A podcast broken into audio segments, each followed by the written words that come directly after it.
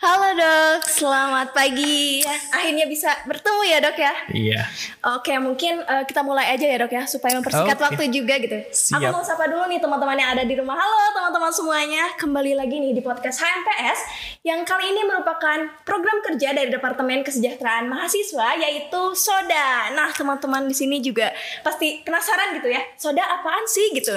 Nah teman-teman, jadi Soda ini adalah singkatan dari Sharing of the Day yang mana dilaksanakan satu tahun sekali nih oleh BEM Himpunan Mahasiswa Pendidikan Sosiologi. Nah, karena yang kita ketahui gitu ya dok ya, kita itu sekarang sedang ada di masa pandemi COVID-19. Betul. Nah, jadi untuk soda kali ini kita itu mengangkat tema yang juga berhubungan dengan pandemi dok. Nice. Yaitu temanya itu adalah seperti yang teman-teman bisa lihat di judul ya. Temanya adalah mengembangkan potensi diri di masa pandemi COVID-19 dalam mengantisipasi quarter life crisis. Wow. Pastinya seru ya dok ya? Pasti seru. Iya. Nah oke. Eh, karena kan dok ada istilah nih, tak kenal maka Oke. tak sayang, gitu ya. Nice. Mungkin supaya kita lebih akrab gitu ya, nanti berbincang-bincangnya. Mungkin aku izin memperkenalkan diri dulu nih, sama ke teman-teman juga semuanya. Halo teman-teman semuanya, kenalin nih, aku Lili Susaini dari Pendidikan Sosiologi 2020 yang pada kesempatan kali ini akan menemani Dokter Firman nih, yang akan menjadi narasumber gitu ya di sesi podcast kali ini. Oke dok. Nah, eh, aku mau sapa dulu ya, seperti yang teman-teman udah lihat nih di depan saya ini sudah ada narasumber yang luar biasa gitu. Ada Dokter Firman. Oke, halo Lis. Oke, gimana nih kabarnya dok? Alhamdulillah baik ya, sehat ya. Alhamdulillah ya. Apalagi kan dok sekarang itu musimnya itu lagi gak menentu ya dok ya? Ois, betul. Iya betul. Jadi eh, kadang musim hujan, Nah, kadang juga panas gitu. Jadi Betul. musim sakit dan harus jaga kesehatan banget ya dok. ya? nah Lilis gimana? Sehat sekarang? Alhamdulillah. Nah, bagus lah Alhamdulillah ya. ya sehat. Oke. Iya. Nah, eh, teman-teman semuanya, eh, aku mau perkenalkan dulu nih ada narasumber kita yang luar biasa itu ada Dokter Firman ya, dok. eh, nah beliau ini merupakan lulusan dari FK Unpad. Teman-teman luar biasa sekali ya. Dan sekarang itu dokter itu menjadi dokter muda ya dok ya. Di Betul. Rumah Sakit Hasan Sadikin betul. Betul sekali. Oke, nah teman-teman, tak hanya itu beliau juga aktif nih menjadi pembicara di berbagai acara gitu ya dok. Iya. Itu tuh acaranya tuh ada acara formal dan semi formal gitu dong. Formal, semi formal, nasional, internasional. Wah, luar biasa sekali ya teman-teman semuanya. Luar biasa sekali narasumber kita yang sekarang ini gitu ya. Nah, eh, teman-teman eh, mungkin ada teman-teman di sini yang penasaran dok sama Wis. apa ya? Sama detail Oke. detail identitas dokter. Mungkin Wow. bisa disapa dulu gini teman-teman yang ada di rumahnya. Halo teman-teman. Iya. yang lagi nonton ya, salam kenal. Aku Firman ya, panggil aja Firman gitu. Eh, apa nih yang harus diceritain? Iya, kayak pengalaman pengalaman apa gitu yang pernah mengisi apa gitu dok. Oh ya ya alhamdulillah memang karena saya concern di kesehatan mental ya jadi kebanyakan teman-teman di luar sana eh, suka mengajak diskusi gitu Oh, iya. untuk berkolaborasi kita belajar bersama tentang kesehatan mental ya dari mulai komunitas universitas ya eh, beberapa sih banyak memang kampus-kampus sekolah-sekolah SMA juga pernah gitu Oh, iya. ya kita jadi eh, apa ya istilahnya ada interest tersendiri terhadap kesehatan mental yang membuat saya jadi aktif di bidang seperti ini gitu. Oh ya, jadi berminat langsung gitu ya dok ya. Iya. Wah luar biasa ya teman-teman. Nah seperti yang teman-teman udah mendengar ya dari narasumbernya, sangat luar biasa sih kalau menurut aku gitu ya. Wow banget gitu ya dok. Thank you Liz. Iya di usia yang sangat muda juga sekarang tuh dibilang muda ya dok. Muda dong, Muda dong, masa ya. nggak muda Iya. men. Di usia yang muda sudah menjadi eh, bisa menjadi sosok dokter gitu dan aktif juga menjadi pembicara gitu. Ya, Luar biasa sih ini. Nah dok alhamdulillah. seperti yang eh, aku kan pernah lihat nih di Ya. IG-nya dokter. Betul. Ya, aku pernah lihat nih. Ternyata dokter juga pernah melihat eh pernah mengisi gitu ya. Ya. Mengisi acara tentang eh, quarter life crisis itu. Wow. Betul ya, Dok? Betul. itu tuh eh, waktu di mana, Dok? Wah, eh, quarter life crisis sebelumnya memang saya pernah ngisi di beberapa tempat. Ya. baik live Instagram sendiri atau di kampus sih sebetulnya Oh, waktu kampus. itu eh, bersama dengan eh, dokter kakak tingkat Dokter, juga iya. mm, gitu. Jadi memang topik ini itu topik yang sangat luar biasa, relate lah ya. Iya, iya. Iya. Relate sama keadaan kita sekarang ya, apalagi Betul. lagi pandemi kayak Apalagi gini. lagi pandemi, orang pada banyak bingung ya kan. Dan ya eh, waktu itu di kampus, di kampus sendiri, FK 4 Oh, iya. gitu. Eh, untuk adik-adik juga gitu. Jadi memang kesadaran tentang quarter life crisis ini menjadi hal yang penting, apalagi di masa Betul. pandemi gitu. Aku apresiat juga buat teman-teman Hima PS ya, luar biasa sekali. Luar biasa ya. Wah, iya kan, sudah mengangkat tema ini, saya sangat merasa bangga dengan teman-teman semua. gitu. Nah, tuh ada apresiasi tersendiri Oh, nih iya. dari dokter nih buat panitianya Iya ya. dong. Oke, berarti cocok ya teman-teman pembahasan kita kali ini sama Ya. eh, narasumbernya gitu. Insya Allah pakarnya ya. Ah, Insya Allah. Allah. Insya Allah ya, mudah-mudahan. Pasti bakal seru nih dok. ya, Nah, sebelum kita masuk ke inti pembahasan nih dok, Oke. boleh tanya-tanya dulu gak? boleh dong. Buat apa ya? Buat eh, pertanyaan pemanasan lah itu. Oke, pemanasan. Ya kan seperti yang udah dimention tadi sama dokter gitu ya. Ya. Dokter itu kan concern di bidang kesehatan. Mhm. Nah, tapi dokter juga aktif nih jadi pembicara di berbagai acara. Ya. Kan itu ngebagi waktunya gitu kayak kayak gimana gitu ya. Dan itu tuh kayak wow, gitu luar biasa gitu ya. Dia eh, tengah-tengah dokter eh, sibuk Hmm. jadi dokter, terus dinas paginya, terus kayak sorenya langsung ngisi acara. Nah, sebenarnya motivasi dokter itu apa sih gitu? Ya. Apa tahu emang suka dengan kesibukan atau bagaimana nih dari dokternya sendiri kayak gitu? Oke, eh, setiap orang sih pasti eh, bukan suka sibuk ya, tapi suka produktif aja kali Oh ya. iya, gitu. iya, betul. Nah, Kalau berkaitan dengan apa yang tadi Lilis bahas ya, kenapa sih kau eh, mau gitu ya Iya. mengambil banyak hal gitu, mengambil banyak kegiatan, ya itu memang suatu keputusan yang sangat berat sih sebetulnya. Iya. Karena kan dari pendidikan eh, dokter ya teman-teman juga tahu gitu, waktunya tuh limit gitu Iya, ya, sempit, ya, iya iya, terbatas betul. banget gitu. Dan uh, aku memutuskan untuk bisa aktif di sini karena ya dasarnya adalah ini sih sebetulnya Apa tuh? ada uh, ya nggak mau klise sih tapi ya merasa ada panggilan gitu. Ada panggilan hati, rasa Iya, ada. simpati gitu ya. Betul, simpati empati terhadap teman-teman yang belum punya apa istilahnya ya, awareness tentang kesehatan mental, masyarakat yang masih belum terlalu eh, paham ya kan, dan teman-teman penyintas yang berjuang juga gitu. Jadi itu menjadi concern tersendiri buat saya. Ya eh, aku sih nggak mau nunggu-nunggu gitu ya, nggak Ya. mau nunggu-nunggu kayak harus dokter dulu, harus spesialis dulu atau apa. Ya udah take a risk aja dari sekarang. Kalau memang concern ke sana ya udah aku capek-capekan dari sekarang aja gitu. Dan ya sebetulnya memang eh, dulu ada pencetusnya sih karena aku baca-baca ya, aku baca-baca mengalami masalah kesehatan mental sendiri gitu ya. Bukan self diagnosis sih tapi memang punya gejala-gejalanya. Oh, iya. Akhirnya kayak aku coba membantu diriku sendiri. Ternyata yang seperti aku tuh nggak sedikit Dia sendiri gitu. banyak apalagi kan banyak. memang lagi pandemi gini Betul. serba online serba virtual Iya, gitu itu- ya jadi banyak orang-orang yang memang kesehatan mentalnya terganggu Ya, Iya. ada masalah lah gitu. Iya, ada masalah ya Iya, sama dirinya gitu. betul. Oke nih dok, kita masuk ke inti pembahasannya ya. Yoi. By the way kan kita eh, akan bahas tentang potensi diri nih ya, Ya. nanti ke depannya. Nah kan kita tahu gitu ya, masa pandemi ini itu kayak apa ya menyebabkan banyak terjadinya perubahan sosial gitu ya. Betul. Baik yang dikehendaki maupun eh, yang nggak direncanakan juga terjadi gitu ya dok ya. Betul. Nah eh, hal ini tuh juga menyebabkan adanya disorganisasi sosial nih di masyarakat ya. Keren Iya, bahasanya. sosiologi. Oh, iya dong. Iya, menyebabkan disorganisasi sosial Ya. dan khususnya itu dalam pengenalan potensi diri dok. Betul. Nah eh, ternyata di tengah-tengah eh, teman-teman sekarang lagi pandemi gitu ya, Mhm. ternyata kadang ada eh, kebingungan-kebingungan tersendiri dari teman-teman Ya. sendiri eh, terkait dengan potensi apa sih yang dia miliki gitu. Mhm. Nah Menarik. itu kan eh, ada fenomena yang memang disebutnya quarter life crisis itu ya, Betul. yang nanti kita bahas. Oke. Nah mungkin nih biar lebih jelas gitu ya, Eh, bisa dijelaskan gitu ya ke teman-teman Ya. dulu, eh, dijelaskan dengan rinci gitu jelas Oke. sebenarnya eh, quarter life crisis ini tuh apa dan timbulnya itu karena apa dok? Oke, Gitu. siap. Kita coba ya eh, mengaca pada diri kita sendiri Iya. gitu. Oke, coba aku tanya ke Lilis deh. Lis, usiamu sekarang berapa? Aku eh, kebetulan 20 nih. Oke, 20 ya. Terus kemudian eh, udah 20 tahun. Iya. Di masa-masa sekarang itu apa sih perasaan dominan yang sedang kamu rasakan? Ya dominan apa ya? ya bingung ya. Ya bingung ya. dominan. Oke tuh bingung. ya udah bingung aja ditanya. bingung. Oke, juga, bingung. ya. Kalau misalnya kita melihat ya eh, sebelum ke QLC, tugas perkembang eh, sorry. Tugas perkembangan ya dari seorang emerging adult ya. Emerging Iya. adult tuh kita tuh usia 18 sampai 25 tahun. Iya, betul. Nah, Lilis kan kebetulan 20 tahun nih. Tugasnya tuh tugas perkembangannya tuh ada dua ya, yaitu eh, mencari pekerjaan dan relationship Iya. Nah, Relasi. dari dua hal itu, coba gimana Lilis? Dominan Iya. rasanya gimana coba? Bingung ya. Bingung ya? Bingung. Oke, bingung. Sekarang udah berapa semester? Aku kebetulan semester 3. Oke, semester 3 ya. Iya. Nanya dikit aja deh, habis lulus eh, udah kebayang belum? Belum sih kalau eh, untuk sekarang gitu kayak eh. Iya belum. Tapi kalau misalkan kayak ngelihat eh, dari orang tua kayak kayak gitu.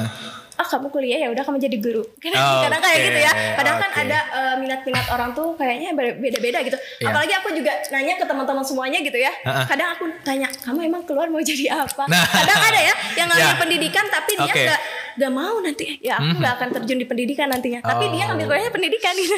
Oke, jadi eh, mungkin ada ketidakpastian Iya, yang kamu rasakan ya, Iya. dan kamu memikirkan itu ya. Jadi masih memikirkan hal yang jauh. Iya, tapi gitu. kayak gimana gitu. Ah, betul. Ya kurang lebih quarter life crisis adalah seperti itu ya. Jadi eh, kita itu sedang dalam posisi bingung. Iya, betul. Ya, akan ketidakpastian masa depan. Iya. Gitu.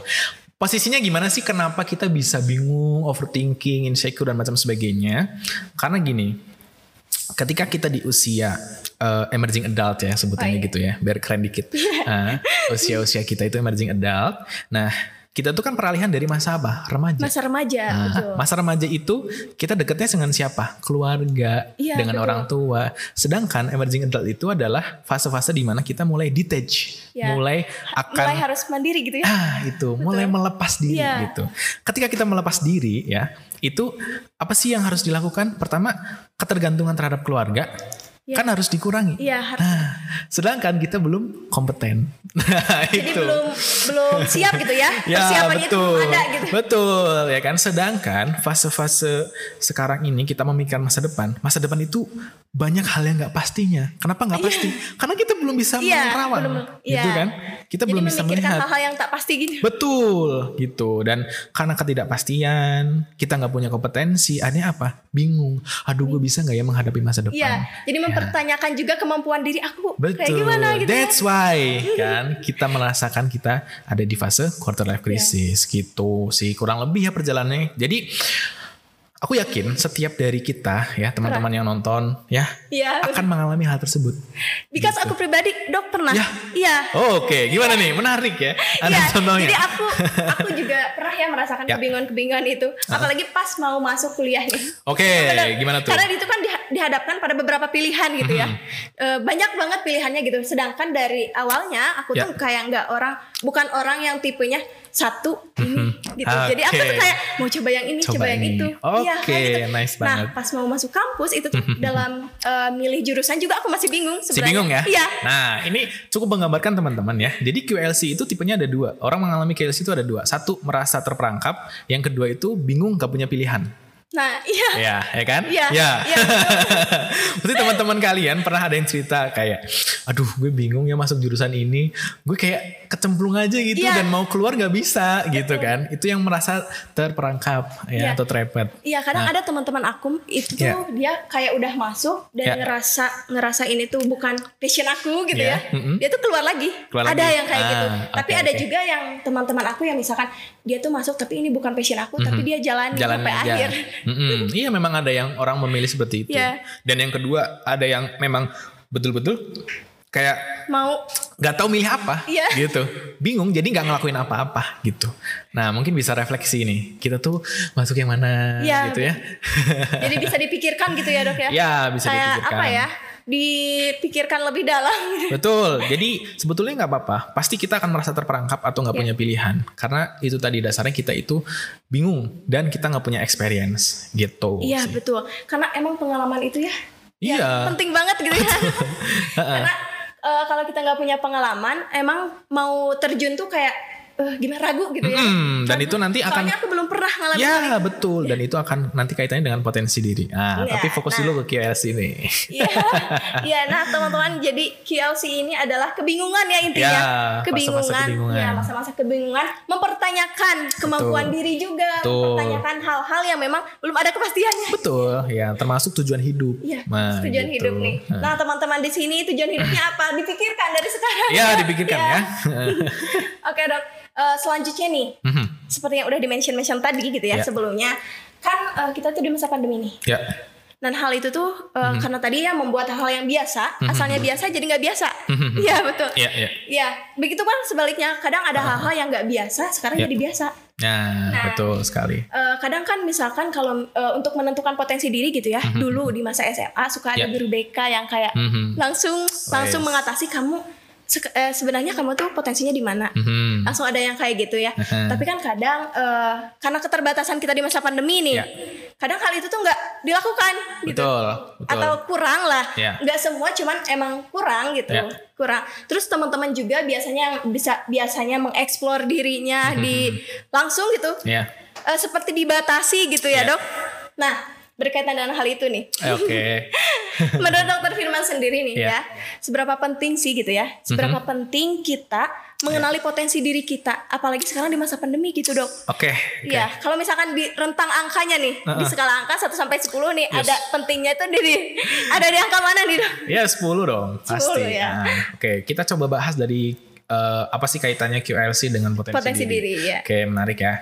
Jadi di fase-fase QLC ini, teman-teman akan merasakan di mana kita punya self esteem yang rendah atau kepercayaan diri yang rendah. Ya, betul. Pastinya. Mm-mm. Karena self esteem itu kaitannya dengan kemampuan diri, ya kan? Iya. Kemampuan diri itu kaitannya dengan apa? Pengalaman, ah, dengan apa yang sudah pernah dilakukan, ya kan? Karena kita belum melakukan apa-apa, jadinya Iya, apa? betul. Belum memulai ya. Iya belum mulai jadinya ya eh, nggak percaya diri aja Iya. jadi nggak percaya diri ini jadi mempertanyakan diri jadinya QLC deh nah Ah. jadi kayak gitu kurang lebih sih potensi diri dengan QLC nah sebetulnya di dalam kita merasakan QLC ini itu sebetulnya normal teman-teman ya jadi jangan Ah. pernah merasa kayak ketika QLC kalian tuh merasa paling apa Bermasalah istilah, gitu ya. bermasalah Iya. paling down ya Iya. paling eh, apa rendah banget enggak setiap orang mengalami hal tersebut Iya, gitu. jadi normal ya Ya, teman-teman. jadi normal, normal banget gitu. Ketika kalian merasakan itu, kalian nggak sendiri gitu. Nah, ketika juga merasakan hal tersebut, jangan pernah memandang bahwasanya kalian harus mengalienasi diri gitu, harus memisahkan diri. Ah, gue Iya, tuh produk betul. gagal, gue tuh eh, apa istilahnya tidak berhak di masyarakat dan macam sebagainya. Enggak. Jangan menjudge diri sendiri ya. Ya, gitu. Jangan pernah menjudge diri sendiri gitu. Meskipun ya kita menilai diri kita sendiri, tapi tetap harus objektif gitu. Nah, teman-teman harus objektif Hmm. tetap ya. Ya harus objektif karena ini penting gitu. Ketika nanti kita akan ngomongin potensi diri, ya kan? Nah kunci dari eh, sebuah apa ya perkembangan terhadap potensi diri ya, atau menghadapi QLC atau tuh? merubah ya, itu adalah lebih kepada self awareness atau Oh, iya. kesadaran diri. Kesadaran diri. Ya. Kesadaran diri mau dia mau mulai sekarang atau Mhm. atau mau di nanti-nanti gitu Iya, ya. kesadaran diri te- terhadap apa pun Iya. gitu. Kesadaran diri terhadap apa pun termasuk dari mulai kesadaran diri fisik, mental, ya kan, sosial, spiritual gitu, finansial juga. Dan Iya.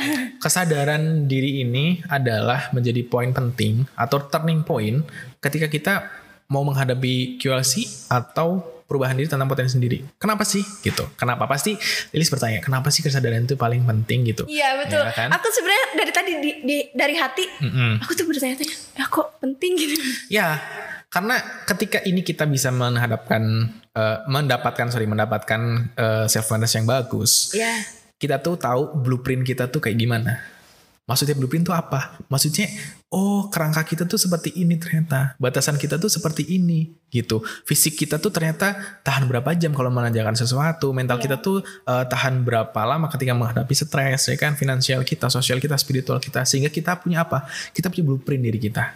Nah, Iya. ketika kita punya blueprint diri kita, ya kan? Kalau misalnya kita ngomongin bangunan ya, kita udah punya blueprint, kita mau ngebangun, kita mau improvisasi, mau develop yang lain, kita lebih jelas gitu. Dan juga misal kalau misalnya kita istilahnya tersesat nih Les ya. Iya, kita kan harus tahu kita tuh di titik mana, ya kan? Iya betul. Ya kan? Kalau Untuk mencari jalan keluar gitu ya. ya, kalau kita mau ke RSAS kita misal Harus- titiknya di mana nih gitu Iya, kan. rutenya Kalau- harus lewat mana Nah, gitu. itu kalau kita nggak tahu kita titik titiknya di mana, kita nggak bakal pernah mencapai ke tujuan. Tujuan. That's why kita perlu self awareness gitu. Iya. Nah, self awareness itu dimulai dari mana sih sebetulnya? Self awareness itu dimulai dari eh, sesimpel kita eh, menuliskan kayak tiga kelemahan, tiga kekuatan, Iya. sumpah.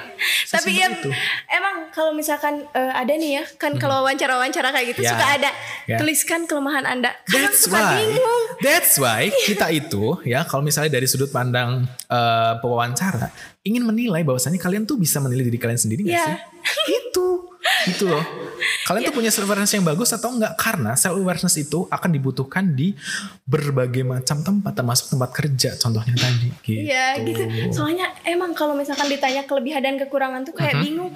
Kalau kelebihan misalkan aku. Ya. oh aku bisa ini suka dikait-kaitan sama kemampuan kita oh aku bisa Microsoft Word aku bisa Ya. Microsoft gitu ya. Ya. Kalau misalkan kelemahan kadang aku tuh bingung ya sebenarnya kelemahan aku tuh di mana. Nah gitu. Berarti tuh tandanya belum mengenali diri sendiri Betul, gitu itu ya. itu sangat eh, apa istilahnya? Eh, sangat dikatakan kita tidak mengenali diri atau kadang ada yang overwhelm dalam memahami diri kayak negatif vibe banget gitu. Iya. Kayak disebut eh, potensi kamu apa? Aduh bingung. Nggak Kayak tahu gitu ya. satu dua. Ketika ngomong negativity, wah seratus oh kayaknya iya, aku udah punya ya. banyak banget deh negativity aku deh gitu. Kekurangan aku banyak deh.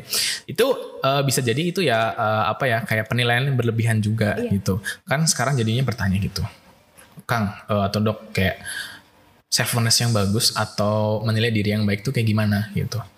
Pertama memang kita itu harus paham bahwasanya dalam menilai diri itu kita butuh banyak kacamata atau perspektif. Iya Ya betul. kan?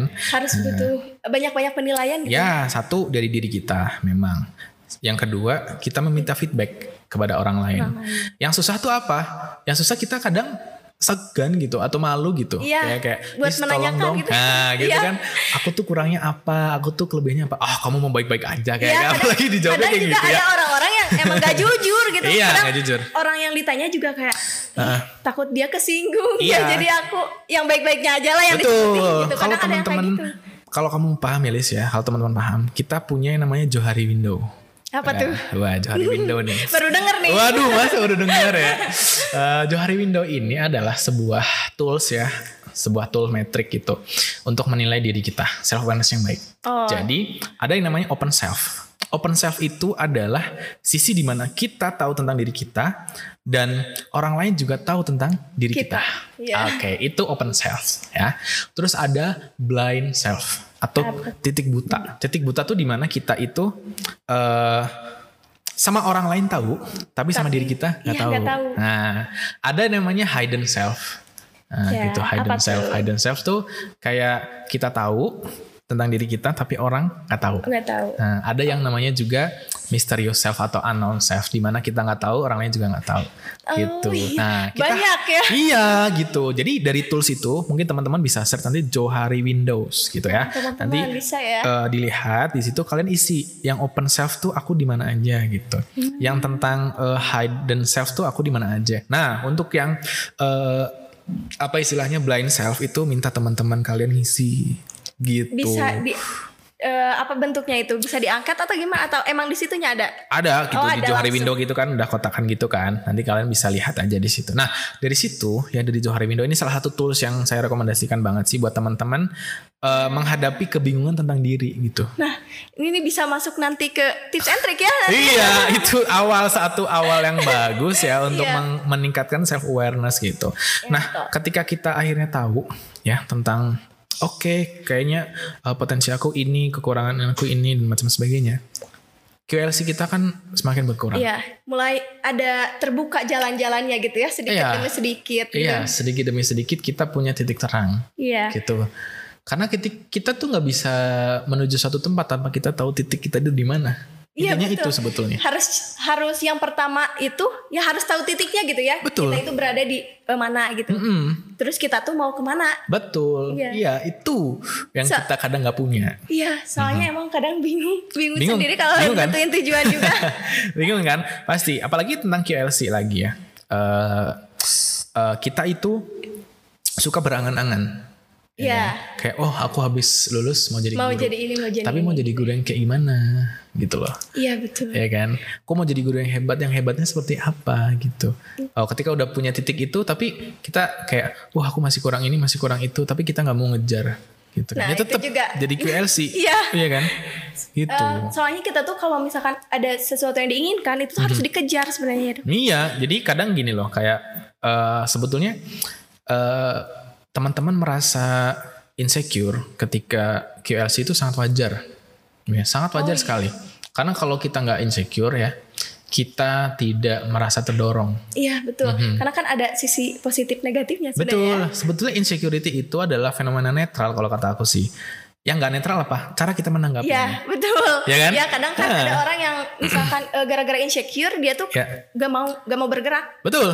Ya. Ada juga yang tergerak hatinya. Iya, ada yang gitu ya. tergerak gitu. Sebetulnya ini adalah perkara apa sebetulnya yang kita omongin dari tadi? Perkara mindset. Gitu. Ya, jadi perkara pola pikir sih pola sebetulnya. pikir ya. Mudah diomongkan tapi sulit dilakukan. ya kan? Nah, berkaitan lagi tadi ya, kembali lagi ke apa istilahnya pola pikir gitu ya. Eh kita tuh kadang ketika merasa insecure memilih untuk mencari pembenaran. Bukan kebenaran ya. Bukan. Jadi mencari pembenaran. mencari pembenaran ya kan kalau dipicu lagi gitu kenapa sih kadang kita merasa insecure atau QLC kadang kita suka membandingkan diri dengan orang lain Iya ya betul. kan nah mungkin Lilis ada pengalaman Iya sebenarnya Iya. aku aku tuh orangnya kayak apa ya kalau dibilang panas iya. kayak Panas panas, gitu ya kalau ngelihat orang-orang yang kok dia seumuran aku udah bisa nyapai itu kok aku Waduh. nggak bisa gitu ya Waduh. sebenarnya apa sih sama eh yang salah gitu ya sama diri Waduh. aku dan sebenarnya aku juga kadang bertanya-tanya "Ih, Ya. bisa aku itu sebenarnya di mana kok Oke. ini ini sedikit bisanya ini sedikit bisanya jadi Ya. nggak ada yang menonjol sebenarnya nah itulah ini Iya. ini kita harus perlu apa ya lihat lebih dalam sebetulnya eh, gini aku mau nanya dulu tujuan Lilis membanding-bandingkan tuh apa sih sebetulnya apa ya jadi kayak bukan membandingkan ya kalau Hmm. misalkan jadi ngelihat orang tuh kayak aku kok aku nggak bisa padahal padahal kan tiap orang itu ada tupoksinya masing-masing ya ah, iya, I see. punya kemampuan eh, yang berbeda juga Betul. Iya betul tapi kadang aku kalau yang bikin iri tuh yang kayak gini dok Hmm. kayak aku kan orangnya emang nggak suka desain yang kayak gitu nggak suka tapi kadang eh, orang-orang tuh kan kalau yang suka kayak ke ilmu-ilmu yang seni gitu, itu kan udah punya bakat dari awal gitu ya. Terus dia. Oke. dikembangkan dike- dikembangkan lagi gitu ya. Jadi eh, jadilah potensi diri dia Iya. gitu. Tapi aku kadang mau ngejar itu tapi kok nggak bisa karena nggak punya bakat dari awal. Karena suka gitu aku. Iya iya iya. Ah ini Lilis nih bagus ya mem- memicu banyak pembicaraan ya.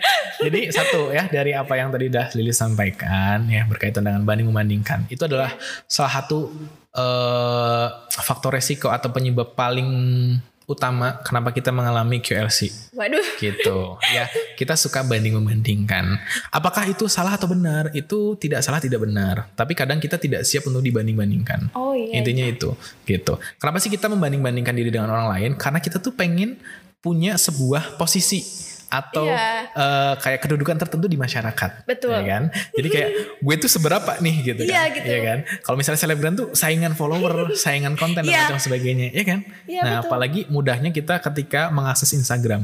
Ya nggak? Kayak, uh anjir kayak keren banget nih gitu kan. Apa istilahnya?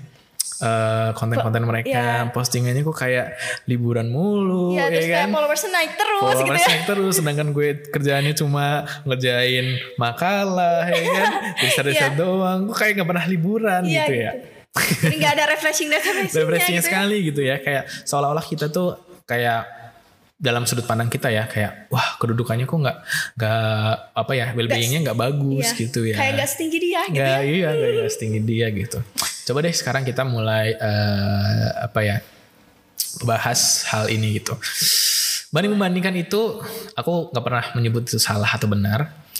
Netral tapi gitu ya. netral. Aku selalu melihat Tim itu netral, netral. ya. fenomena itu eh, kuncinya adalah sebetulnya respon kita ya, Iya, jadi fenomena itu selalu netral. Mau eh, mau banding bandingkan mau gejala mau apa gitu.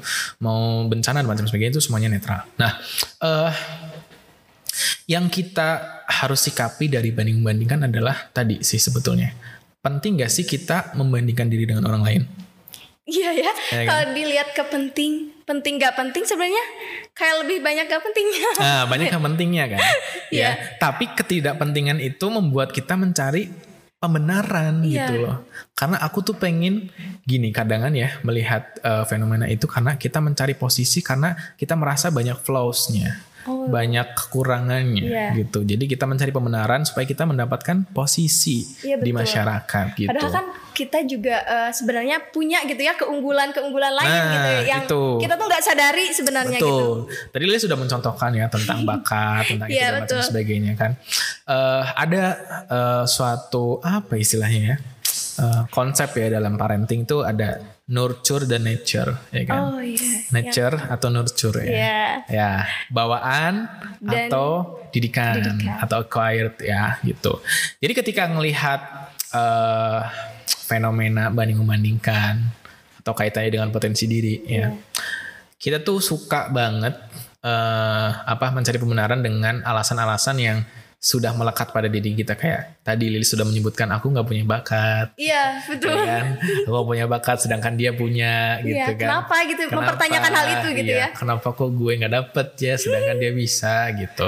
Ya sebetulnya kita itu tidak melihat suatu hal itu dengan luas sih karena gini aku nyebutin di awal emerging adult ya Iya, ciri-ciri masa-masa. orang dewasa Iya. ya ciri-ciri orang dewasa ya kalau teman-teman eh, nanti baca banyak literasi ya satu kunci dari eh, kenapa kita bisa disebut dewasa adalah objektivitas dalam berpikir Iya, jadi Ya. gimana pola pikir kita gitu ya? ya yaitu kenapa sih aku menyebutkan itu karena orang dewasa ini bisa melihat dari berbagai macam perspektif nah coba kalau dari remaja ya kan anak-anak ababil gitu kan Iya, jadi kalau anak-anak remaja itu biasanya kalau kamu ke sini ikut ke sini, kamu Iya. ke situ ikut ke situ gitu ya. tendensius Jadi gitu. belum ada pendirian betul gitu ya. belum ada pendirian Masih labil. Ya, belum mau melihat dari berbagai macam sudut pandang. Iya. Nah, kenapa sih kayak objektivitas itu penting dalam eh, menjadi seorang emerging adult dalam menghadapi QLC atau potensi diri ini?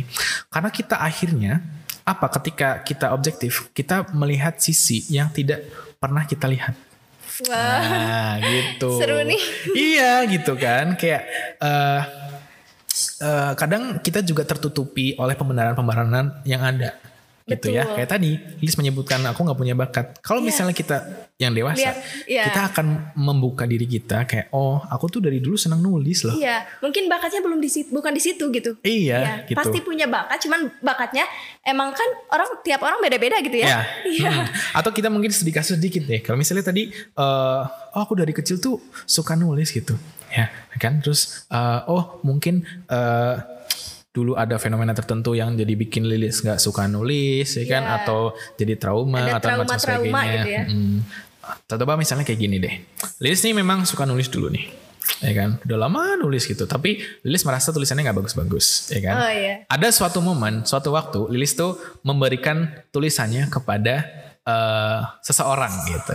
Dibacalah nih, ya kan? Ah, Lis tulisannya jelek banget. Mematahkan Ya, gitu. gimana rasanya? Sakit. Sakit ya? Iya, sakit. Sebenarnya itu tuh kayak apa ya? Aku udah berusaha gitu ya, Mm-hmm. berusaha buat nulis dengan kemampuan aku gitu ya. Terus kayak dibatahkan begitu aja Mm-hmm. Dibatahkan gitu. ya. begitu aja Dengan ya. kata-kata yang emang Iya. sebenarnya bukan kata-kata, hanya kata-kata gitu, tapi itu tuh dapat eh, memotong gitu ya. Iya. Memotong semangat sebenarnya. Ya, sekarang jadi kesimpulannya kata-kata tuh penting gak? Penting. penting kan? nah, ber- berlainan dari itu ya, eh, Lilis akhirnya mengambil sikap apa? Untuk berhenti menulis. Iya, Ya betul. kan? Karena apa? Karena kayak seolah-olah tuh usahanya sia-sia. Betul. Iya gak? Iya, jadi Sia-sia. aku udah ngorbanin waktu gitu Ah, ya, ah, ah. ngorbanin apa pun Ah, gitu ya untuk uh, membuat tulisan itu bagus dan Hmm. sekarang pas dinilai ternyata Kamu tapi mengharap pujian nggak? Ya pengakuan Pengakuan ya, Ya, beda dengan pengajian ya. ya. Oke, yang Diakui harapan itu tuh diakui, gitu ya. Iya, diakui gitu. Meskipun hasilnya tidak sesuai. Iya. Setuju nggak? Setuju. Setuju. Lis, tulisanmu nih oke banget nih gitu. Iya. Tapi kayaknya Tapi kurang. mungkin kadang Ah, ya gitu. jadi dari bahasa juga ya, Ya. sudah beda gitu ya. Ya dari itu bahasa. Dari bahasa ya. Jadi itu adalah sedikit ilustrasi kenapa sih kita itu tidak bisa melihat eh, apa istilahnya sesuatu itu dengan luas karena kadang ada hal-hal yang menutupi gitu. Iya. Jadi kan akhirnya Lilis mendapatkan apa stigmatisasi akhirnya kan atau labeling dari diri Iya. sendiri kayak oh emang gue nggak bakat Iya, nulis emang kamu gitu. eh, lo gak bisa gitu ya. Heeh, padahal kalau kita lihat secara luas, Lilis tuh menga- mengabdikan waktunya, ya kan, tenaganya, Betul. uangnya untuk melakukan effort itu semua, ya kan, sehingga apa? Lilis harapkan ada orang yang mengakui, Iya, betul. setidaknya, Iya. gitu kan? Jadi setidaknya oh eh, mengapresiasi dulu lah. Nah itu, apresiasi usaha Ah, gitu ya iya, iya. dan segala sesuatu yang sudah dikorbankan gitu. iya betul. Jadi akhirnya ketika ada apresiasi itu, validasi itu, Lilis akhirnya apa merasa kayak oh oke nih kayaknya gitu. Iya. Meskipun pada dasarnya ya kita Emang dari masih- kacamata awam gitu Iya. kayak Lilis tuh nggak punya bakat nulis gitu. Iya. Nah, iya nggak? Iya. Jadi kan perspektifnya jadi lain, Lilis jadi berpikirnya kayak oke, kayaknya ini Kayaknya aku bisa. Bisa gitu ya. nih, gitu kan. Kayak aku bisa. Jadi Nah. mengikuti prosesnya gitu ya. betul, betul. Itulah yang kayak sering terjadi di lingkungan kita sebetulnya. Kalau kita mau lihat ke tadi yang aku sebutin nurture dan nature Iya. gitu. Kadang memang banyak eh, ya tidak menyalahkan juga sih pola didik yang kurang tepat. Orang tuanya juga ya. ya masing-masing keluarga pasti punya alasannya tersendiri untuk mendidik Betul. anaknya bagaimana, ya kan? Tetapi kita harus lihat ada sisi objektif yang harus kita tegakkan gitu. Nurture, eh, nature dan nurture itu sangat berpengaruh ya kan kepada diri kita. Apalagi eh, dalam menghadapi masa QLC ada fase remaja yang harus kita lihat gitu. Iya. Nah, di mas fase remajanya ini kan dididik sama orang tua. Ini gimana nih dalam menyikapi nature dan nurture-nya mereka Iya, gitu. kadang kan ada orang tua yang kayak otoriter gitu ya. Ya, otoriter. Jadi dia kayak memaksakan Ya. kehendak dia gitu. Jadi memaksakan. anaknya kamu tuh harus kayak gini. Ya. Tapi sebenarnya dia tuh uh, punya kan tiap orang tuh punya keinginan masing-masing gitu Betul. ya. Punya minat masing-masing Ya. dan yang yang tadi punya Ya. bakat masing-masing juga. Mm-mm. Kadang si orang tua yang otoriter itu Ah. kadang memaksakan gitu. Kamu kamu tuh harus masuk ke sini aja, ke Mm-mm. kedokteran aja kamu. kamu tuh bisa jadi guru. Kadang gitu ya. Ya, jadi kalau misal kita lihat secara luas lah lingkungan lah ya gitu. Lingkungan juga akan memberikan eh, nurture ya kan kepada kita. Kita tuh kadang gini, ketika berkaca kepada potensi, setiap orang itu punya potensinya masing-masing, ya Iya, kan? betul. Pastinya. Kenapa aku bilang kayak gitu? Potensi itu tidak sebatas bakat. Potensi itu tidak sebatas sebuah keahlian gitu. Kita bertahan hidup aja itu sebuah potensi. Potensi, ya. Iya kan? Iya, kalau misalkan kan banyak orang yang bunuh diri gitu ya. Aha. Nah, harusnya lihat ke situ gitu ya. Berarti dia tuh memang nggak punya potensi buat mempertahankan hidup gitu ya. Hmm, iya itu. Jadi akhirnya gini, maksudnya melihat potensi itu jangan sempit. Jangan sempit gitu. Ya, Harus jangan, luas gitu harus ya. luas. Sekecil apa pun itu bisa kita sebut sebuah potensi diri gitu. Nah, jadi kita apa? Tidak tertutupi oleh pembenaran-pembenaran yang ada gitu. Gitu. Terus selanjutnya hmm, ngomongin potensi lagi. Ada orang yang udah punya bakat, ya kan?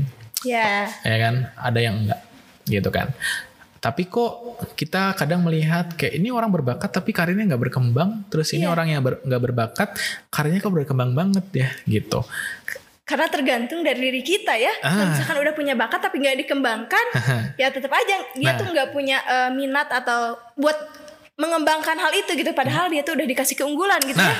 ya kalau kita melihat ke situ jadi intinya apa kita akan membahas sebuah kesempatan gitu kita kalau udah punya modal tapi kita tidak mencari kesempatan nggak akan ada yang terjadi Iya. gitu beda dengan kayak kita nggak punya apa-apa tapi kita selalu mencari kesempatan Iya.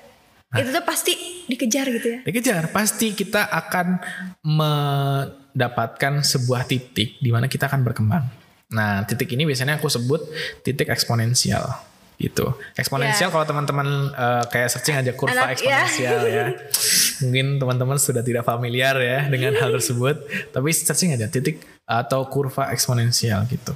Kita melihat di situ ada satu titik di mana kita tuh dari kurvanya yang tadinya kayak gini landai jadinya langsung naik. Naik. Nah, gitu.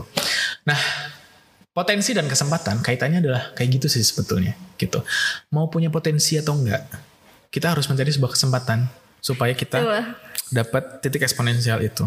Nah, kadang kan gini, kalau kita mengaca kepada potensi diri ya, kita tuh enggan untuk mencari kesempatan karena kita tadi selalu kebenaran diri. Iya, mencari pembenaran. Makanya Iya. teman-teman harusnya kebenaran gitu ya. Iya harus kebenaran. Kebenarannya adalah potensi itu semua orang tuh ada, Ada, gitu. gitu. Dan kesempatan tuh selalu terbuka. Buktinya Iya. apa? Kita lihat sekarang pandemi. Iya, Ada yang tiba-tiba bangkrut, iya, iya betul. Ada juga ya yang tiba-tiba dia Jadi- karirnya naik. melejit, Hmm. jadi kaya, jadi triliuner, miliarder dan macam sebagainya. So itu adalah sebuah fakta kualitatif ya, bahwasanya yaitu Ada kesempatan. ada kesempatan Iya. yang tidak tertutup, sama sekali tidak tertutup, gitu. Nah, terus hal yang lain kita perlu pahami, ada faktor lain yang mengakibatkan kita bisa apa istilahnya ya, eh, punya potensi yang baik, ya, yaitu adalah lingkungan. Nah, tadi Ya. kita udah sebut di awal ya tentang Dari- masyarakat, Ya, dari keluarga gitu ya. Hmm. Kalau misalnya ya tadi sudah dicontohkan sama Liz di awal kayak Liz tuh suka nulis tapi tiba-tiba ada orang yang bilang kayak wah ini jelek banget. Iya, itu kan mematahkan ya. Mengatakan gitu. Jadi penting banget eh, faktor lingkungan yang Iya. akan berkaitan dengan support Iya, gitu. betul. Kalau kita misalnya ya eh, nggak punya bakat sekalipun, kayak kesempatannya dikit, tapi kalau disupport, Jadi Ya kan? mau gitu ya. Jadi mau. punya niat, punya niat, niat buat bangkit. kesempatannya ya. terbuka, Iya, ya kan, dan akhirnya jadi berkembang. Berkembang. kayak aku pernah men- membaca gitu ya, ada Iya. seorang profesor fisika di Indonesia, aku lupa namanya, Iya. kayak eh, dia itu menantang gitulah, menantang dunia pendidikan kayak berikan saya eh, berapa 10 atau 12 eh, anak yang kalian nilai paling bodoh gitu. ya kan? Ada Iya. ada waktu itu eh, kurang lebih tempatnya di timur lah gitu. Ya kan? Di timur Indonesia dan beliau akhirnya membuktikan bahwasannya oke potensi nggak ada, kesempatannya kecil, tapi saya sebagai seorang profesor yang bertanggung jawab menjadi seorang pendidik di lingkungan tersebut bisa menghasilkan putra-putri yang baik dan mendapatkan kejuaraan olimpiade internasional Wah, luar ya kan? ya. Luar biasa sekali. Iya. Jadi ini adalah sebuah fakta di mana dalam mengembangkan potensi diri kita nggak hanya ngomongin us- upaya keras diri seseorang doang Iya, betul. gitu. Ada faktor eksternalnya Iya, gitu ada ya. faktor eksternal juga gitu. Kalau kita tadi kayak Lilis suka nulis tapi kita tinggal di lingkungan yang destruktif, ya kan? Betul. Yang judging gitu. Kita nggak bakal jadi apa-apa. Iya. Ya kan? Karena hal itu tuh malah kayak toxic gitu ya. Toxic dibilang. betul ya, toxic gitu, toxic. Dan dari toxic itu ya kembali lagi, akhirnya kita mempertanyakan kembali ke diri kita. Iya, kemampuan diri apa gitu yang yang akhirnya. ada dalam diri kita gitu ya. Iya, kayak aduh kok gue kayak nggak Nggak bisa, bisa. apa-apa. Iya. QLC lagi jadinya kan jatuhnya kan. Iya, emang karena berhubungan gitu ya. Iya, sangat berhubungan dengan sekali. potensi diri ini betul gitu ya. betul. Jadi eh, menyikapi potensi diri di dalam pandemi, kita harus melihat bahwasannya kita harus dewasa. Dewasa dalam arti jangan pernah mencari pembenaran yang akhirnya membuat kalian tuh tidak berkembang. Betul. Gitu, ngerti nggak? Jadi, Jadi pola pikirnya yang diubah gitu. Ya betul pola pikirnya yang diubah. Karena se se sesimpel kayak misal nih Apa tuh? Lilis bisa menganggap ini sebuah tantangan atau hambatan. Kayak misalnya aku kasih sebuah tugas ke Lilis. Ya. Lilis, misal Lilis tuh dulu sukanya nulis esai populer, Ya. ya kan? Tapi aku kasih tugas Lilis, Lilis kasih aku kasih kamu tugas menulis esai ilmiah. ya. Ini kita bisa menyikapi jadi dua, respon, ya Iya, kan? Betul. Ah, Ada kan kalau misalkan aku gitu ya, Ya. dihadapkan dengan kasus seperti itu, ada Hmm. kadang respon kalau ada ya orang-orang tuh yang kayak responnya kayak iya aku kan bukan bukan di situ bakatnya. Nah, gitu. Bisanya bukan di situ gitu Ya. ya. Ada orang yang Terus? kayak gitu, ada juga yang orang tuh oh iya aku harus eh, mencoba gitu ya. Nah. Mencoba, aku harus bisa. Ya. Harus bisa karena eh, dijadikan pembelajaran gitu ya. Nah, itu sesimpel itu kan? Iya. Iya kan? Dan gini, eh, itu yang pertama tadi Lili sebutin, yang memilih untuk eh, kayak pergi dari mengambil resiko itu Iya. atau nggak mengambil kesempatan itu adalah fixed mindset. Iya, ya kan? betul. Dan yang satunya lagi mau menganggap itu sebuah eh, apa? Tantangan, Tantangan. untuk berkembang itu adalah growth mindset. Dan menurut Lilis, Lilis bisa memutuskan itu nggak? Bisa memilih nggak? Bisa. Nah, bisa memilih. Kenapa kita cenderung untuk menolak? Iya ya, padahal kita tinggal milih salah satu gitu ya dan Ya. menjalankan hal itu gitu. Ya, oke. Jadi kenapa sih orang cenderung menolak sebuah kesempatan? Karena satu tadi kita sudah sebut di awal kita nggak punya pengalaman. Yang Ya. kedua kita Takut untuk mencoba. takut untuk mencoba. Yang ketiga kita itu tidak suka dengan rasa tidak nyaman. Oh iya ya. Ya kan? Karena kan emang kenyamanan. iya, sok bayangin ya. Kayak misal tadi Lilis di awal udah uh, memancing dengan kayak dok kenapa sih dokter mengambil uh, apa pendidikan terus juga jadi narasumber Iya, di mana-mana gitu. It's painful, so painful gitu. Sangat sakit banget gitu. Tidak nyaman sekali gitu. Ya, kalau boleh sedikit cerita gitu ya. ya sebenarnya banyak yang dikorbankan juga ya. Ya pasti gini. Ada suatu momen gitu. Eh, jadi seminggu aku ngisi tiga acara Wow. online semuanya gitu. Ah, ah, dan semuanya harus bikin PPT. Ya kan? Di mana aku bikin PPT itu aku harus baca. Digarap sendiri. Ya digarap sendiri, desain sendiri. Baca berbagai macam jurnal. Iya betul karena kan kalau buat pematerian itu nggak bisa asal-asalan gitu Nggak ya. bisa asal-asalan. Harus dengan ilmu. Ya, aku juga harus pakai evidence base gitu Iya. kan. Karena ya itulah didikan kita jadi harus evidence based medicine. Jadi ya semua perilaku aku ya harus evidence based gitu kan. Termasuk dalam mengisi materi ini. Jadi ada suatu momen kayak kemarin ngisi, ini hari ini ngisi Iya. ya kan pagi. Terus siangnya ada kegiatan, besok paginya aku harus ngisi lagi. Wow padat sekali gitu ya. Pada sekali Di literally itu juga jadi dokter. Iya gitu, literally ya tidur cuma dua jam, tiga jam. It's painful, so painful gitu. Kayak Banyak yang dikorbankan gitu ada ya. banyak yang dikorbankan. Terus ada juga yang kayak tiba-tiba hamin satu. Dok punten bisa ngisi Bisa acaranya. ngisi. Ada yang dadakan-dadakan gitu Iya. ya. Bayangin di situ dilema nggak? Kalau Iya. misalnya aku nggak ngambil, kasih mereka acaranya nggak Iya. beres ya kan? Kalau misalnya aku ngambil, aku painful gitu, aku sakit gitu. Ya udah, aku nggak nyaman. Ya udah aku ambil, gitu, ya kan? Ya jadi tergantung eh, sikap kita gitu ya. Betul. Sikap kita untuk menyikapi hal-hal tersebut. Ya, ya, it's painful. Tapi catatannya adalah gini, kita punya yang namanya boundaries teman-teman. Ya, personal boundaries, ya kan? Personal boundaries, contoh contoh konkretnya aja deh. Aku nggak mau di chat lebih dari jam 10 Oh iya, jadi ada itu personal boundaries. batasan-batasan ya. Nah, dalam memilih keputusan itu, kita pun juga punya batasan gitu. Iya. Kita juga nggak nggak kita juga nggak bisa menyalahkan sepenuhnya ketika orang eh, nggak mengambil sebuah kesempatan. Pasti punya alasannya gitu. Iya. Tapi yang terpenting adalah tadi personal boundaries kita itu terganggu atau enggak gitu. Aku merasa tidak terganggu. Jadi aku mengambil gitu. Iya, terbukti ya dari chat-chat juga gitu ya. Dokter Firman ini terbuka sekali gitu ya. Iya. ya intinya gitu. Maksudnya apa ya? Ini adalah sebuah pilihan teman-teman, bukan sebuah takdir. Takdir. Gitu loh. Ya kan? Jadi bisa diubah gitu Iya, ya. tak- eh, Tuhan tuh kasih kesempatan untuk kita memilih. Gitu. Oke, kita bicara tentang pilihan. Ya kan? Iya. Pilihan kadang orang kayak aduh, Dok, saya tuh takut salah milih. Iya, betul. Iya. Kadang butuh juga ya yang menyarankan gitu kadang. Ya, boleh kayak gitu. Tapi apa sih dibalik itu semua? Ya kan? Orang tuh mengatakan kayak salah pilihan. Kalau kata aku sih bukan salah pilihan sih. In my opinion, setiap pilihan itu adalah ngomongin konsekuensi. Iya, Nah. harusnya harusnya ada tanggung jawab gitu ya. Betul. Jadi tepat atau tidaknya kita mengambil sebuah keputusan adalah bagaimana kita menghadapi konsekuensi Itu. dari pilihan tersebut. Iya. Gitu. Makanya jadi kalau eh, mau memilih itu harus memikirkan konsekuensinya Ya. gitu ya.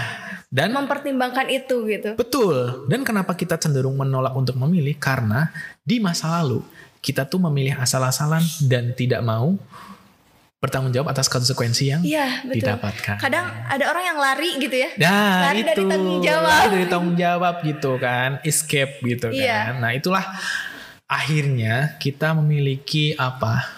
Kecenderungan untuk lari dari kenyataan, Iya, ya kan, betul. escape. Jadinya kita KLC terus, diri juga. ya banyak yang eh, istilahnya mengambil keputusan yang tidak tepat. Iya, jadi gitu kan. menyerah lah intinya ya. Menyerah gitu.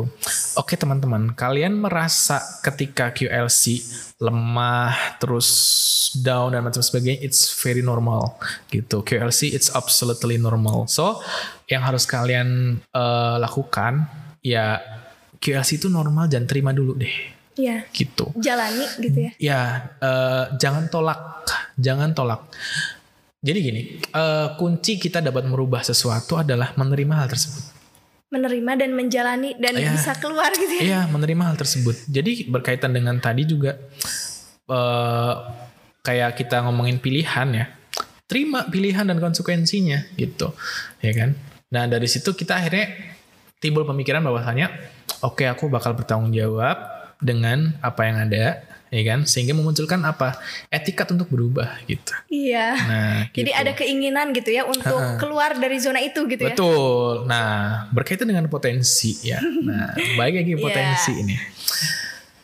Ketika kita sudah tadi punya growth mindset, tanggung jawab untuk berubah, ya kan? Ada kesempatan juga. Ada kesempatan juga. Despite of aku punya kemampuan atau enggak, punya kesempatan atau enggak, I will try. Iya, gitu. betul. Itulah Harus mencoba gitu ya. ya konsep pemikiran dari growth mindset gitu. Sebetulnya kita nggak peduli faktor apa aja yang berpengaruh, ya kan? Tapi pedulilah sama faktor-faktor yang memang bisa kamu pegang. Iya. yaitu siapa diri kita sendiri gitu. Jadi pada masa-masa pandemi ini sebetulnya kembalilah pada diri kita sendiri. Iya, Jangan betul. melihat lingkungan dulu, ya kan? Kenapa sih mereka bisa berkembang ya kan dengan baik karena mereka pandai untuk melihat diri mereka. Iya Gitu, betul ya. ya kan? Jadi melihat kekurangannya apa, Nah. kelebihannya apa dan memanfaatkan gitu ya dari Iya. situ.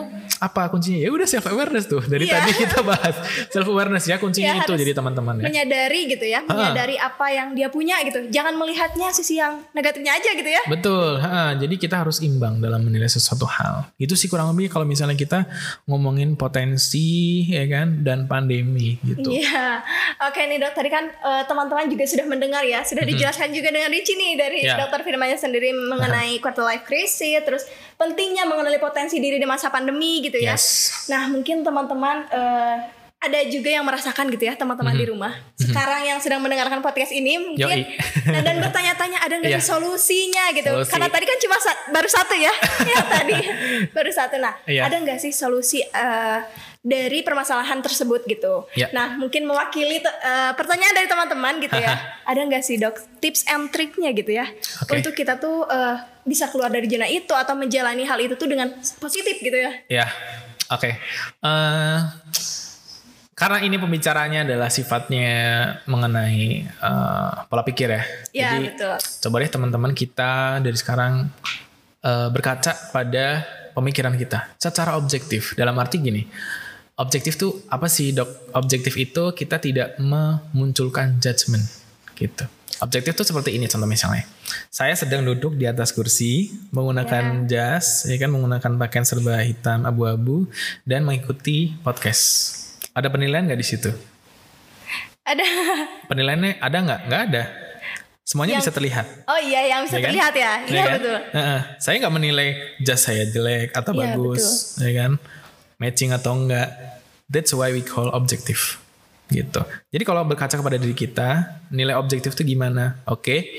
Eh, misal kita ngomongin kayak aku tuh orangnya suka telatan. Oke, kita coba lihat berapa banyak kegiatan yang kita ikutin dan berapa kali kita telat. That's why we call objective. Kayak, Oh, iya. oke, aku lima kali telat dari seribu kegiatan yang aku ikutin. Ternyata lebih banyak yang gak telatnya gitu. Iya, ya kan? Iya. Objektif nggak? Objektif dong, gitu. Terus kalau misalnya mau lihat lebih rinci lagi ya, eh, oke, telatnya tuh kenapa? Oh macet, oh telat bangun dan macam sebagainya. Tuh, satu dari sekian ribu kan? Iya betul ya.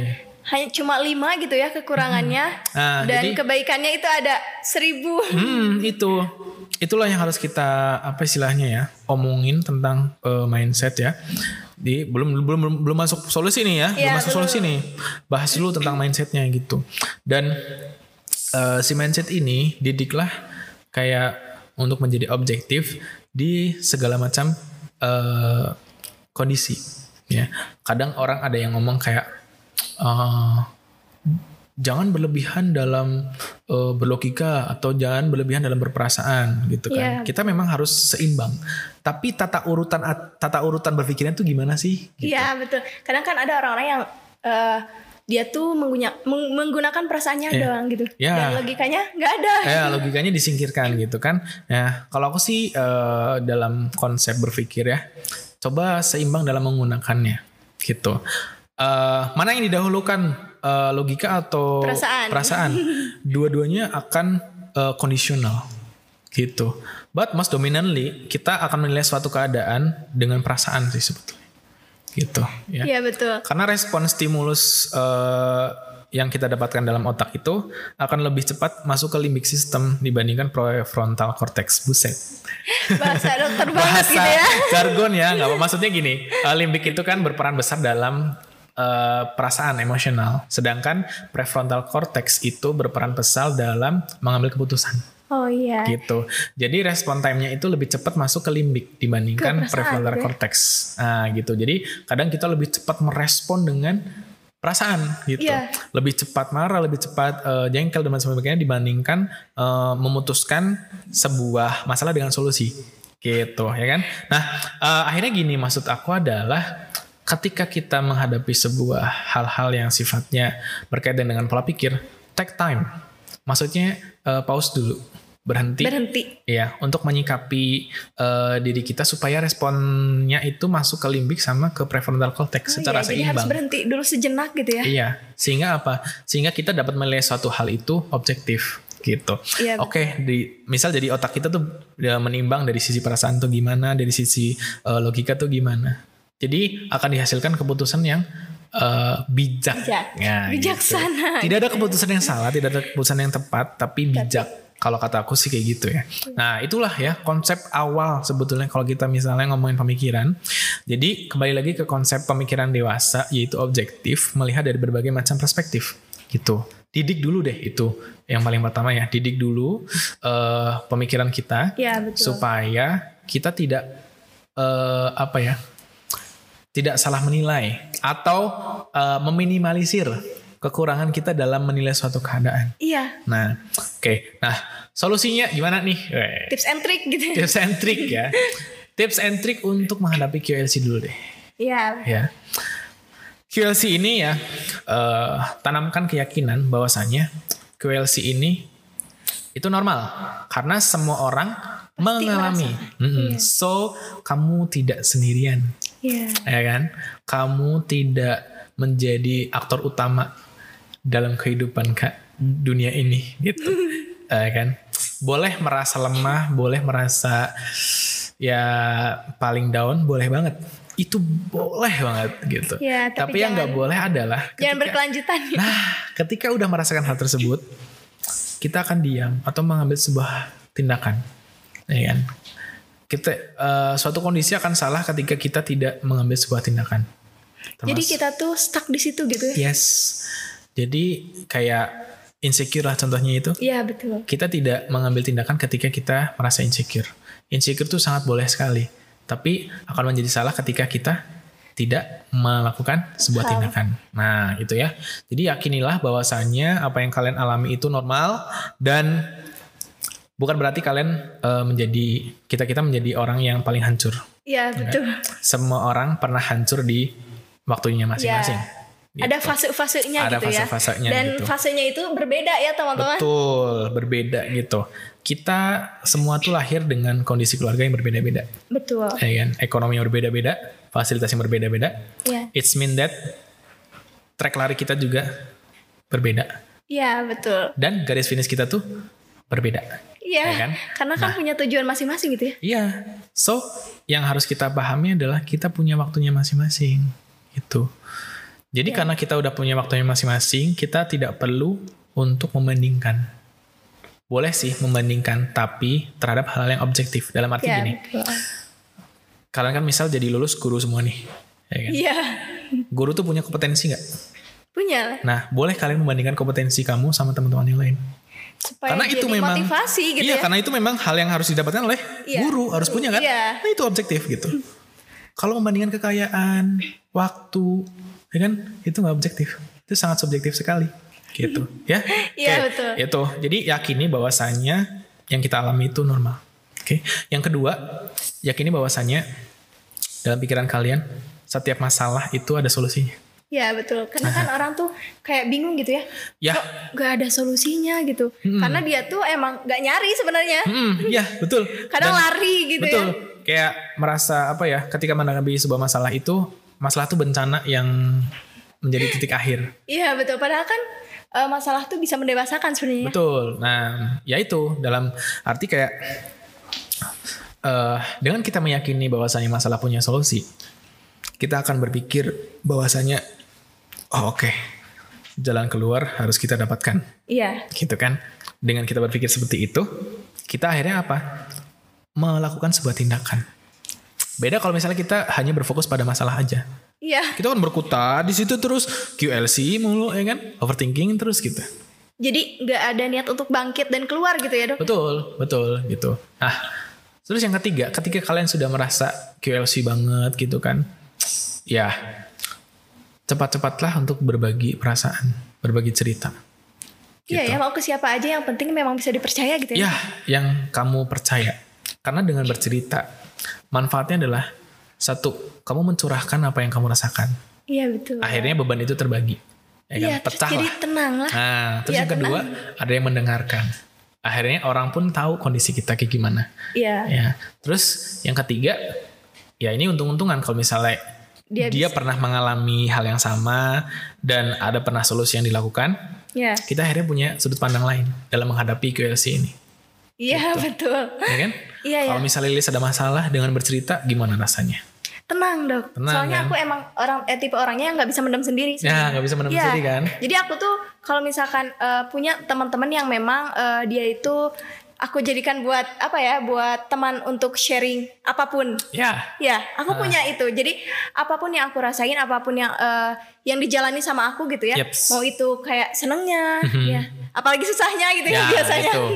Di susahnya itu tuh kadang aku cerita gitu. Nah. Kadang sambil nangis juga Nah, biasanya iya. gitu. luapin, luapin se Iya, betul. Plong-plongnya gitu. Iya, karena kan eh, nangis tuh nggak salah gitu ya. Gua nggak ada yang salah dengan nangis. Iya. Gitu. Itu tuh justru eh, malah ke akunya itu memberikan ketenangan. Nah, itulah yang kadang kita tidak sadari ya. Iya. Ya kadang juga aku memendam perasaan sih. Tapi ya akhirnya juga aku sadar sih sebetulnya. Nggak bagus ya.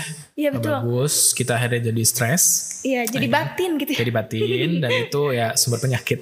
Iya, betul. Kayak teman-teman Emang ya. kalau dari dari pikiran itu ya, dari pikiran dan dari perasaan itu kadang ke fisik juga gitu ya. Betul. Jadi kalau misalnya kita mau lihat statistik ya. semi- eh, 85% sampai 90% penyakit yang eh, dirasakan oleh pasien yang datang ke fasilitas kesehatan pertama which is itu puskesmas itu adalah penyakit yang stress related disease. Wah. Banyak sekali ya. Iya. Do perut saya sakit, do kepala saya pusing, di tensi normal, di diperiksa nggak ada apa-apa. Eh, Pak, Bu, lagi ada pikiran apa? Aduh saya ribut sama anak saya. Ya, jadi dari pikiran gitu ya. Ya, Jadi sampai ke fisik juga terganggu gitu. Ya, itu. Makanya eh, penting sekali untuk mengelola pikiran. Jadi eh, aku selalu punya aku punya prinsip sendiri sih bahwasanya ada dua poin hak eh, seseorang manusia terhadap kesehatan mental. Pertama adalah setiap orang berhak merasakan apa pun. Entah itu marah, sedih, senang dan macam sebagainya. Dan itu adalah hak Iya. yang nggak bisa dibantah. Dan eh, yang kedua, setiap emosi itu harus diekspresikan. Oh iya, betul. Ya salah satunya ya tadi gitu ya, bercerita dengan teman gitu ya. Betul. Dan akhirnya apa? Dengan seperti itu kita terbuka dan plong. Nah, terus kemudian eh itu nih, itu tuh tentang eh, QLC ya. Iya. Jadi eh, harus berbagi cerita dan solusi yang harus dilakukan untuk QLC sendiri itu setiap orang beda-beda. Oke. ya setiap orang beda-beda Iya. tapi aku bakal kasih tahu patternnya patternnya orang dalam menghadapi QLC atau dalam eh, tugas perkembangan eh, emerging adult ini adalah kita trial and error Oh. trial and error aja Ya harusnya harus coba lagi, coba lagi, Coba lagi, coba lagi. Dan jangan menyerah gitu ya. iya ya Jadi ambil menyerah. pembelajarannya. Mm-mm, jangan menyerah dan eh, kalau capek istirahat kalau Iya. misalnya eh, apa lelah ambil waktu untuk rest dan akhirnya Refreshing. refreshing dan balik lagi. Ya gitu. Never quit. Ya tapi jangan refreshing terus gitu ya. Ya, iya. jangan Itu juga terus. jadi salah gitu ya dok Ya. ya. Dan eh, tentang potensi diri ya. Kaitannya dengan potensi diri. Satu, lepasin berdan-berdan pikiran yang melimitasi atau pembenaran-pembenaran yang tadi kita udah sebutin di awal. Iya. Even though kita nggak punya bakat, even though kesempatan itu sedikit, ya, even though lingkungan kita memang eh, sulit, never quit, gitu. Jangan pernah keluar, gitu. Dan eh, orang yang seenggak punya bakat apa pun bisa menjadi seseorang yang Luar berdampak luar biasa, gitu ya. Ya seperti Albert Einstein lah kita bisa contohkan. Beliau memang sokalahnya gimana sih, ya kan? Iya, ya. Teman-teman bisa baca biografinya, ya kan? Tapi beliau menjadi orang yang paling jenius, menciptakan Betul. berbagai macam teori Dikenal sampai sekarang. dikenal sampai gitu ya. sekarang gitu ya kan karena kita ngomongin tentang upaya dan usaha gitu sih. Iya. oke so ketika teman-teman uh, punya pemahaman yang berbeda dari apa yang saya sampaikan nggak apa-apa. Tapi intinya potensi itu akan selalu ada. Iya. kesempatan itu akan selalu ada. Dan lingkungan yang suportif itu akan selalu ada. Tugas kita cuma apa? Cari. Gitu. Betul. cari. Gitu. Gak peduli waktunya gimana. Kalau misalnya kalian kita semua pengen menjadi orang yang berkembang cari itu semua Iya betul. Gitu. Jadi harus mulai ya dari kit- diri kita sendiri gitu ya. Yes. Oke, oke nih dok nggak kerasa nih udah satu jam lebih ternyata. Waduh. Satu jam lebih kita berbincang-bincang gitu ya. Eh, gak kerasa ya kalau lagi asik ngobrol-ngobrol kayak gini gitu. Waktu satu jam gitu. Nah mungkin Oke. sebelum penutupan nih Ya. dok, eh, ada nggak closing statement singkat gitu ya untuk teman-teman yang ada di rumah gitu. Ya. Closing statement singkat ya berkaitan dengan QLC, potensi Iya, diri, betul. pandemi ya. Ada pernah eh, aku berpikir bahwasanya kita semua kan akan menjadi seorang sarjana Betul. bachelor ya kan Iya.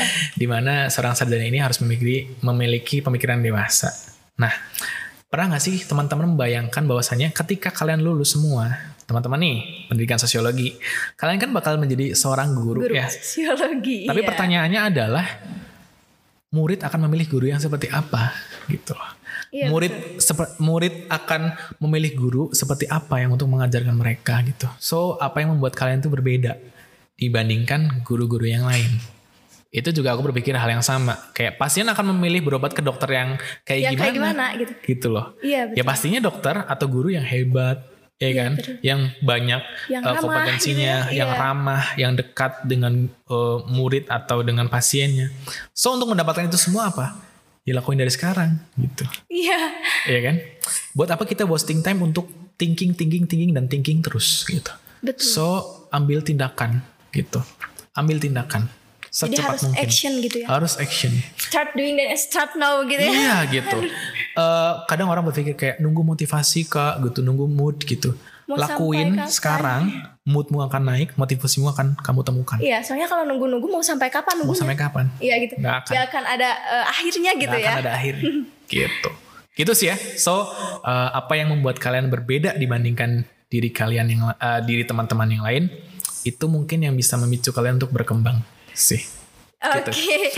waduh, luar biasa sekali Oke. ya dari Dokter Firman ini. Nah teman-teman semuanya, eh, semoga ya dengan adanya podcast kali ini gitu ya, eh, dengan Ya. pemaparan yang sangat luar biasa juga Wow, nih dari kasih. Dokter Firman gitu ya, bisa menjadi eh, solusi gitu ya bagi teman-teman yang juga merasakan eh, hal Ya. seperti ini atau Oke. fenomena ini gitu Ya. ya, dan juga bisa menjadi wadah bagi teman-teman gitu ya untuk bisa apa ya mengembangkan potensi dirinya gitu Yoi. ya. Iya. Jadi jangan eh, pernah memaksakan apa eh jangan pernah mengikuti kata orang gitu ya. ya jadi memang harus sesuai dengan potensi diri kita gitu ya. Nah, karena kan kita kalau misalkan eh, harus nurutin kata orang terus gitu ya, Mhm. mau sampai kapan gitu gak akan ada akhirnya Yoi. gitu ya. Nah, aku juga mau ngucapin terima kasih banyak nih ke Ya, Dokter Firman. sama-sama, Di sela-sela kesibukannya gitu ya. Sekarang bisa menyempatkan waktu gitu ya untuk berbagi sharing kita semua gitu ya terkait dengan tema yang eh, sudah terlihat ya sama teman-teman semuanya gitu ya udah di-mention juga dari tadi gitu ya. Oke. Oke, nggak lupa juga aku mau ngucapin banyak terima kasih nih kepada teman-teman semuanya yang udah mendengarkan podcast ini dari awal sampai akhir gitu ya. Mhm. Eh, semoga bisa bermanfaat gitu ya bagi teman-teman semuanya dan juga eh, yang terpenting adalah mengaplikasikannya gitu Iya, ya betul. dalam kehidupan teman-teman. Oke. Oke deh, sampai jumpa ya di podcast selanjutnya dan eh, terima kasih atas perhatiannya dan dadah, Dadah. semuanya. Oke. Tiga, dua, satu, and cut. Yoi. Yoi.